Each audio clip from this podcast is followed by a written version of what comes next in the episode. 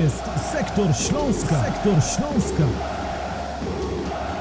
Karol Bugajski, witam na sektorze Śląska. Zapraszam na rozmowę przed meczem naszego zespołu przeciwko Górnikowi w Zabrzu. Dzisiaj moim gościem jest mój redakcyjny kolega Kacper Rudzik. Witam wszystkich, cześć. Witam cię serdecznie. Będziemy rozmawiać przed takim bardzo intensywnym czasem dla piłkarzy trenera Jacka Magiery. Teraz spotkanie z Górnikiem w Zabrzu, później kolejka w środku tygodnia i kolejny mecz w kolejny weekend. Na Śląsk Wrocław y, po pierwszych dwóch meczach trenera Jacka Magiery wreszcie da się patrzeć, Kasper. To myślę jest takie pierwsze skojarzenie, y, które przychodzi do głowy. Te mecze ogląda się z większą przyjemnością niż wcześniej w tej szczególnie końcowej fazie pracy trenera Witesława Lawiczki. Co jest dla ciebie takim największym plusem po pierwszych dwóch spotkaniach nowego szkoleniowca? Powiedziałbym, że przede wszystkim aspekt kreowania sytuacji i że te akcje z czegoś się biorą, z rozegrania. Czy to te kontry są dynamiczniejsze, czy chociażby jak w meczu z Lechią, ok, to się skończyło jedną bramką, ale jakby to, w jaki sposób my wyprowadzaliśmy te kontry, czy gdzieś ataki po wahadłach, widać, że taki nowy duch w tą drużynę jest tchnięty i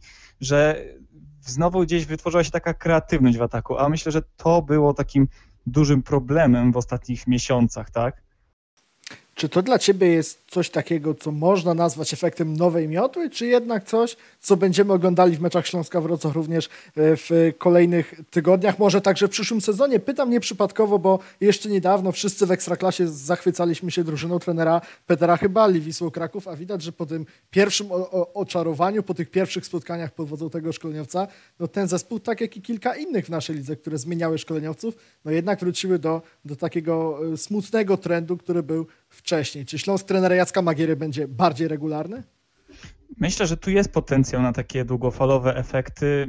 Trener Chybala, tak tylko się odnosząc na szybko, jednak działa na e, tym game pressingu, tak? na tej intensywnym pressingu, który jednak wymaga też zawodników pod to skrojonych i Wiśle myślę, że to może trochę nie funkcjonować, dlatego to gdzieś w tym kierunku tak sobie teraz idzie. Natomiast już wracając do Śląska, to trener Magiera przede wszystkim korzysta z tego, co ma w e, tym składzie e, jakby personalnym, a dostosował taktykę pod to. I nowoczesny trend potrafił wtłoczyć w ten zespół i, i też przed nami jest okienko letnie, gdzie będą możliwości, żeby trochę ten zespół może rozwinąć, ale co najważniejsze, widać, że ci zawodnicy się w tej taktyce odnajdują, to poruszanie się, jakby Mateusz Praszelik przypomina tego coraz bardziej Praszelika, którego poznaliśmy na początku sezonu. Waldemar Sobota mimo bramki też wygląda pod grą dobrze, jakby tu widać raczej, że to może być taki progres, że ta drużyna potrzebowała przede wszystkim takiego mentalnego podciągnięcia w górę i trochę takiej świeżości. I to ruszyło mi się najbardziej i to tak daje potencjał na jakby rzeczywiście korzystne wyniki. Też jeszcze tylko dodając szybko, trener Magiera w Sosnowcu i w Legii Warszawa też stawiał na taką grę i to było utrzymane w takim regularnym poziomie, więc myślę, to też historia na to wskazuje. Miejmy nadzieję, że trener Jacek Magiera w Śląsku będzie pracował też trochę dłużej niż w Legii Warszawa, a szczególnie w Zagłębiu Sosnowiec, bo wiadomo, że te jego klubowe epizody do tej pory były raczej krótkie na ważną rzecz zwróciłeś uwagę Mateusza Praszelika, czyli jednego z takich piłkarzy, którzy wyraźnie odżyli pod wodzą e, nowego szkoleniowca Śląska Wrocław. Jest Erik Exposito, który zanotował no, historyczną jak dla siebie serię dwóch kolejnych spotkań z bramką. Coś takiego jeszcze w Śląsku mu się nie zdarzyło, od kiedy e, pojawił się w naszym klubie już prawie dwa lata temu. E, to jest taki piłkarz, którego ty najmocniej może byś podkreślił, to, to jego właśnie przebudzenie się, uwolnienie głowy po tym, jak z klubu odszedł już trener Witesa Flawiczka, czy masz może jakiegoś innego kandydata? Praszelik, on korzysta na tym, że został wyciągnięty z tej pozycji ósemki, takiej głębszego pomocnika wyżej i ma więcej swobody i to dla niego plusuje. A Eric Exposito, ja myślę, że on miał te cechy typu dobrą technikę, jest dobrym dryblerem pomimo dosyć jakby postawnych warunków fizycznych, e, tylko jego brakowało zawsze w polu karnym.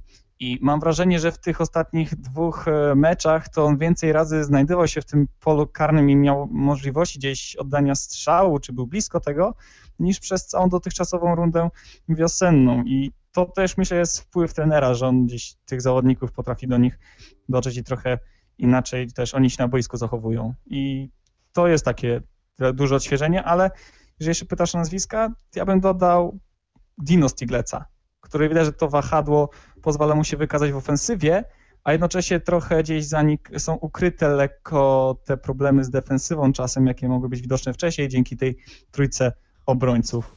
O właśnie, i ten wątek też chciałbym z Tobą dzisiaj y, poruszyć, trochę, trochę pociągnąć. Wspomniałeś o Dino Sztyglecu. No i właśnie, to jest jeden z dwóch wahadłowych w ekipie trenera Jacka Magiery. Jest tercet obrońców, bardzo młoda jest też ta linia defensywy. Jest Konrad Poprawa, jest Łukasz Bejger, no i bardziej doświadczony, ale też nie jest specjalnie doświadczony stażem w Śląsku e, Mark Tomasz. Y, przejście na nowy system, taka pieczątka trenera Jacka Magiery, coś, co on wprowadził, tak by odróżnić się od swojego poprzednika, by pokazać, że też bardzo szybko może nauczyć swoich piłkarzy nowego grania. To na razie wychodzi dobrze, to wychodzi już tak dobrze, jakby mogło, czy jeszcze Twoim zdaniem e, są tutaj jakieś rezerwy? Myślę, że rezerwy są na pewno w tym, jak się poruszają chociażby ta trójka środkowych obrońców, bo chociażby no, bramka z Lechią także z tego wynikła. To była świetna analiza Kuby Luberdy właśnie na naszej stronie, gdzie wskazał te strefy, w których brakowało czasem tych zawodników, gdzie mogli się lepiej ustawić. A też myślę, że to funkcjonuje naprawdę dobrze, jak na te y, dwa tygodnie, tak? Kiedy dwa, trzy tygodnie, kiedy trener mniej więcej jest i to trenujemy. E, pewnie więcej potencjału jest trochę w grze środkowych obrońców, e, znaczy, przepraszam, środkowych pomocników miałem na myśli, tej, tych rozgrywających w centralnej strefie. Też musimy trochę poczekać na taki test drużyny, która będzie stawiała bardziej na grę ofensywną. To mnie zastanawia, kiedy spotkałem przeciwnika, który to będzie na nas chciał narzucić warunki, bo tak jak Lechia, czy tak jak Jagiellonia, to był dobry mecz dla Śląska, żeby w tym ustawieniu funkcjonować. A trochę jestem ciekaw, jak to będzie przy większej presji przeciwnika też wyglądało pod kątem e, defensywy chociażby.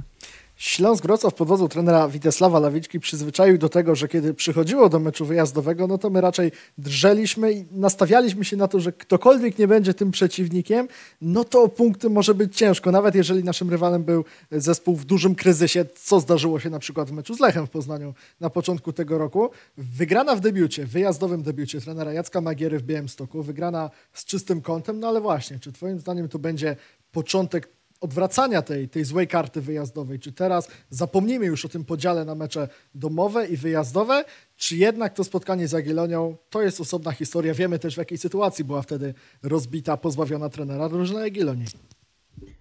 Mecz z Górnikiem nam pokaże, jak Śląsk będzie funkcjonował wobec przeciwnika w lekkim kryzysie, a Górnik w takim się znajduje.